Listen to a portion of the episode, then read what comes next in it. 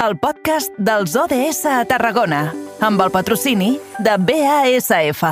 The United Nations is an organization with goals of peace and sustainable development around the world. Their mission is huge, but we're breaking it down in two minutes.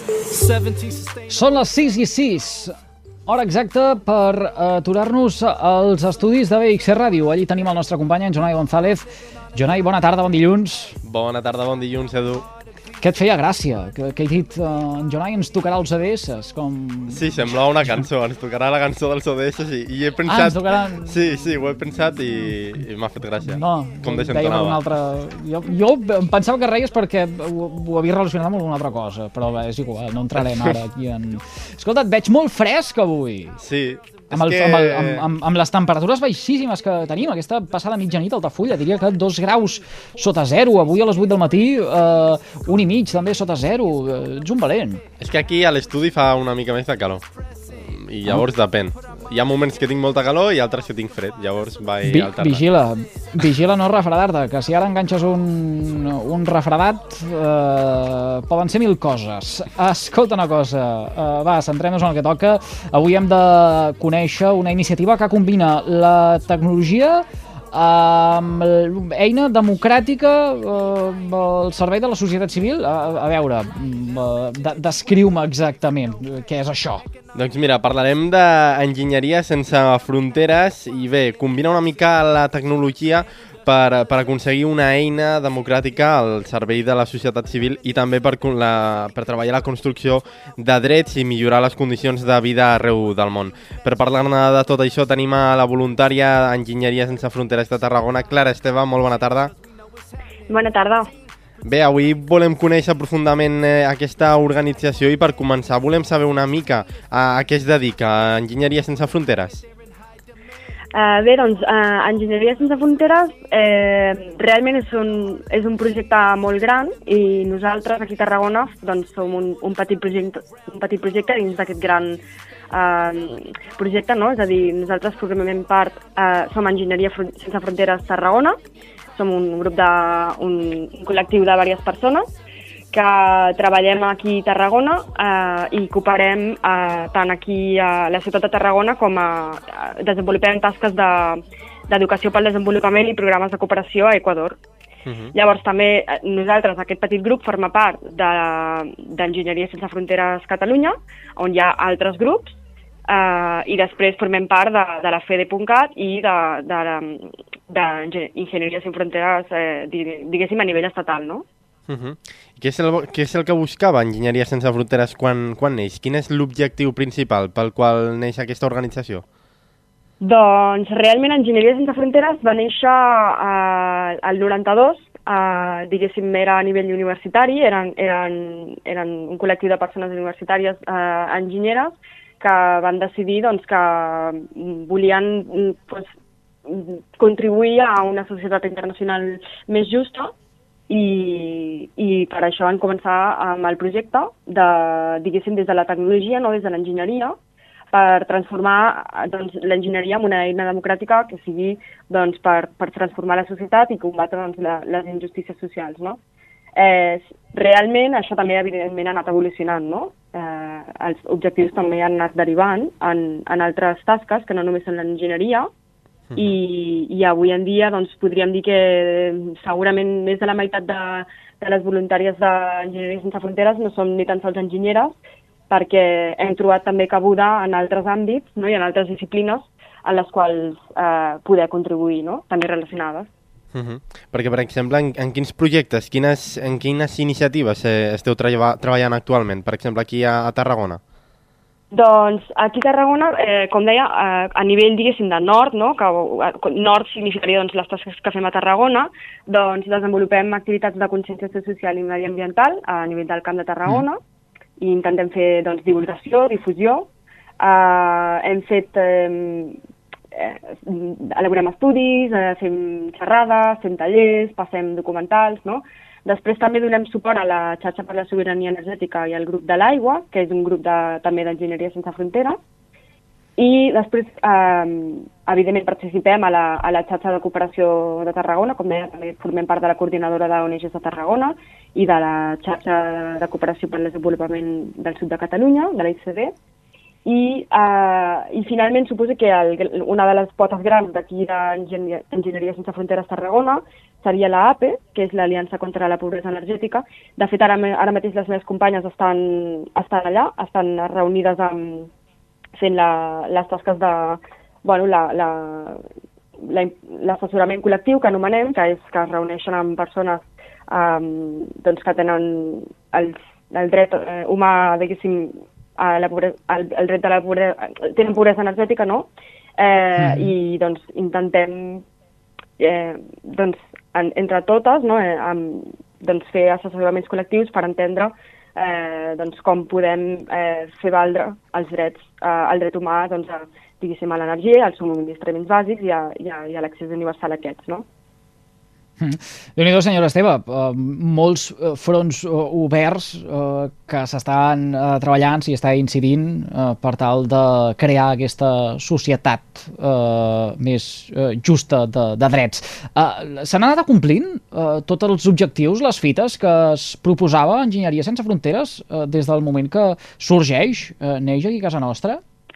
Eh, doncs és una pregunta complexa no? i complicada. És a dir, la veritat és que els projectes que desenvolupem, pues, eh, la incidència eh, és molt a, és, és lenta, no? Eh, és una cosa pues, que es basa en molts anys, no? en plans i anar, anar també una mica de vegades a prova i error, no? És a dir, de vegades potser tenim eh, moltes ambicions no? i després doncs, veiem que no es poden complir d'un dia per l'altre. Però sí que evidentment pues, tenim alguns casos d'èxit, no? Eh, per exemple, eh, nosaltres un objectiu que teníem a Equador era consolidar les juntes d'aigua. Eh, les juntes a, Equador, les, eh, bueno, a la zona de San Francisco d'Orellana, que és on treballem, eh, les, eh, les, pobla, les petites poblacions s'organitzen amb s'autogestionen l'aigua, és a dir, eh, tenen unes juntes d'aigua que, eh, diguéssim, es gestionen l'aigua de forma, eh, a nivell de, com de cooperativa, no? de forma col·lectiva i això podríem dir que més o menys ja s'ha consolidat. Després també eh, pues, eh, hem, hem publicat estudis que han tingut eh, cert impacte, no?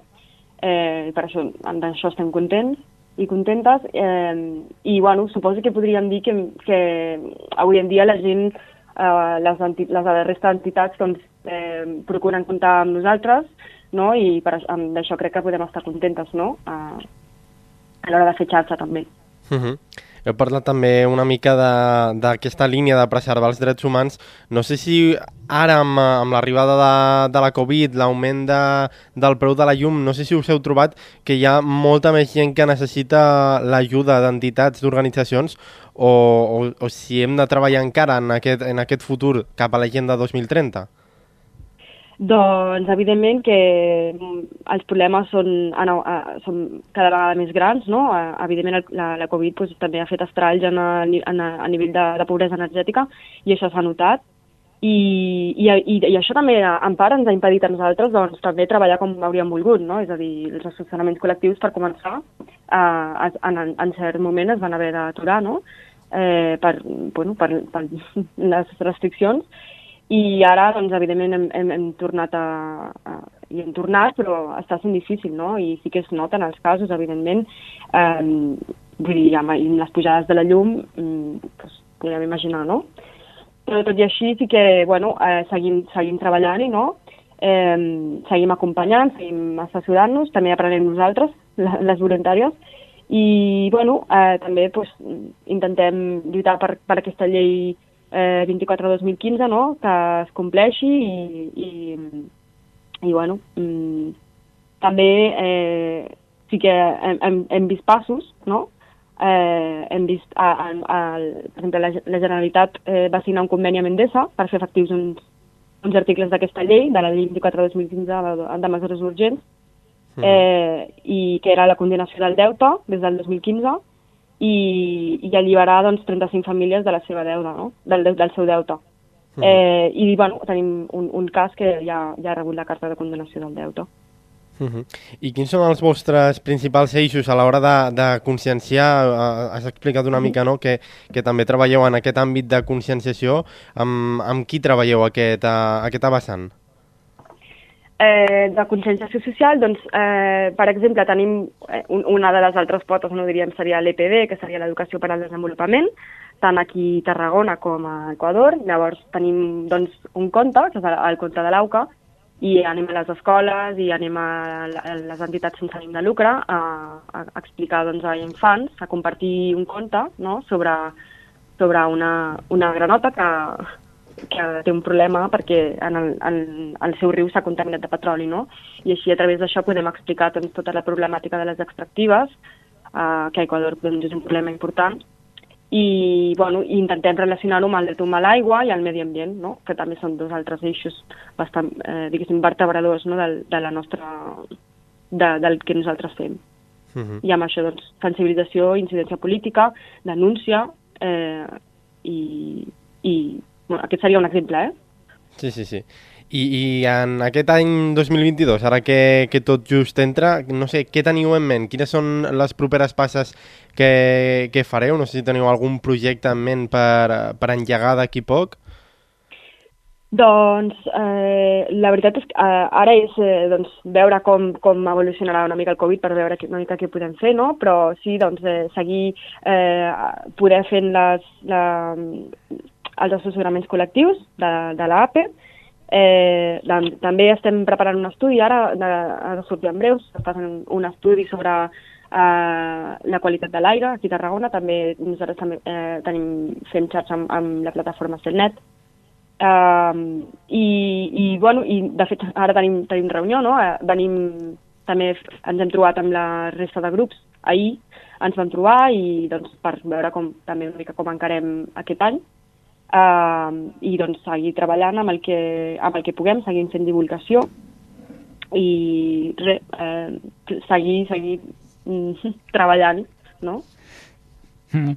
Ja per, uh, ja, ja per acabar, què, què és el més complicat a, a l'hora de uh, treballar per aquesta, per aquesta justícia, per uh, els drets d'aquestes persones que potser no els tenen uh, garantits uh, en un context i en una societat com la, com la nostra? Què és el més difícil de fer-ho en aquesta uh, clau de Camp de Tarragona?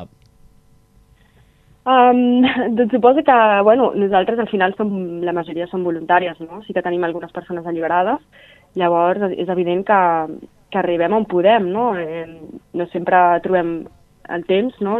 També no podem tenir moltes coses, no? I intentem trobar el temps on podem. I, i, i llavors això també implica que no sempre hi podem arribar no? allà on voldríem i, i evidentment doncs, això darrere, darrere doncs, de vegades necessita un recolzament econòmic no? que doncs, les, les, les entitats no sempre, no sempre tenim o no sempre en podem disposar i això doncs, fa que les tasques siguin lentes no? i que, que els resultats al final també siguin lents de vegades. No? S'involucra, Pau, en, aquest, en aquest sentit l'administració uh, aporta, fa el que realment li toca a l'administració? Bueno, uh, suposo que nosaltres, bueno, nosaltres hem, tenim el suport de l'Ajuntament, tenim, formem també, estem en el Consell de Cooperació, Um, i nosaltres hi parlem i, i dialoguem perquè les coses sempre puguin anar millor. Sí que tenim el suport, evidentment, uh, i cada any formulem i, i, i tenim aquest suport uh, econòmic, no?, per sort, um, però bueno, suposo que, que sempre podria ser millor, no?, evidentment, i, i evidentment hi ha la, les, unes problemàtiques, um, per exemple, el tema del, del, del 0,7%, no?, eh, si, si es dedica a el que s'està dedicant a el que s'ha de dedicar o, o no, i a més a més que no, nosaltres som un, un grup molt petit, al final és Tarragona, i, mm. bueno, tot a, cap a dalt, no? si mirem cap a dalt, doncs és una muntanya, és com un monstre d'entitats de, de, i d'administracions que, que per arribar-hi no? també estem competint amb, amb entitats molt més grans, de vegades, i no sempre és fàcil doncs, que, que ens escolti, mm. no? I, en tot cas, eh, des de la nostra posició, eh, que sàpiga eh, l'enginyeria sense fronteres de Tarragona que eh, té la complicitat del carrer Major de les Ràdios de la xarxa al territori de fer d'altaveu de qualsevol d'aquestes iniciatives, eh, la nostra enhorabona per tota aquesta feinada que es fa, encara que eh, de vegades eh, encara se'n pugui fer més, però els recursos són els que són, com en tants altres àmbits, i si eh, un fa eh, tot el que pot, no està obligat a més. Més. Clara Esteve, moltíssimes gràcies per compartir-ho avui amb tots nosaltres. A vosaltres. Bueno, fins la propera, doncs.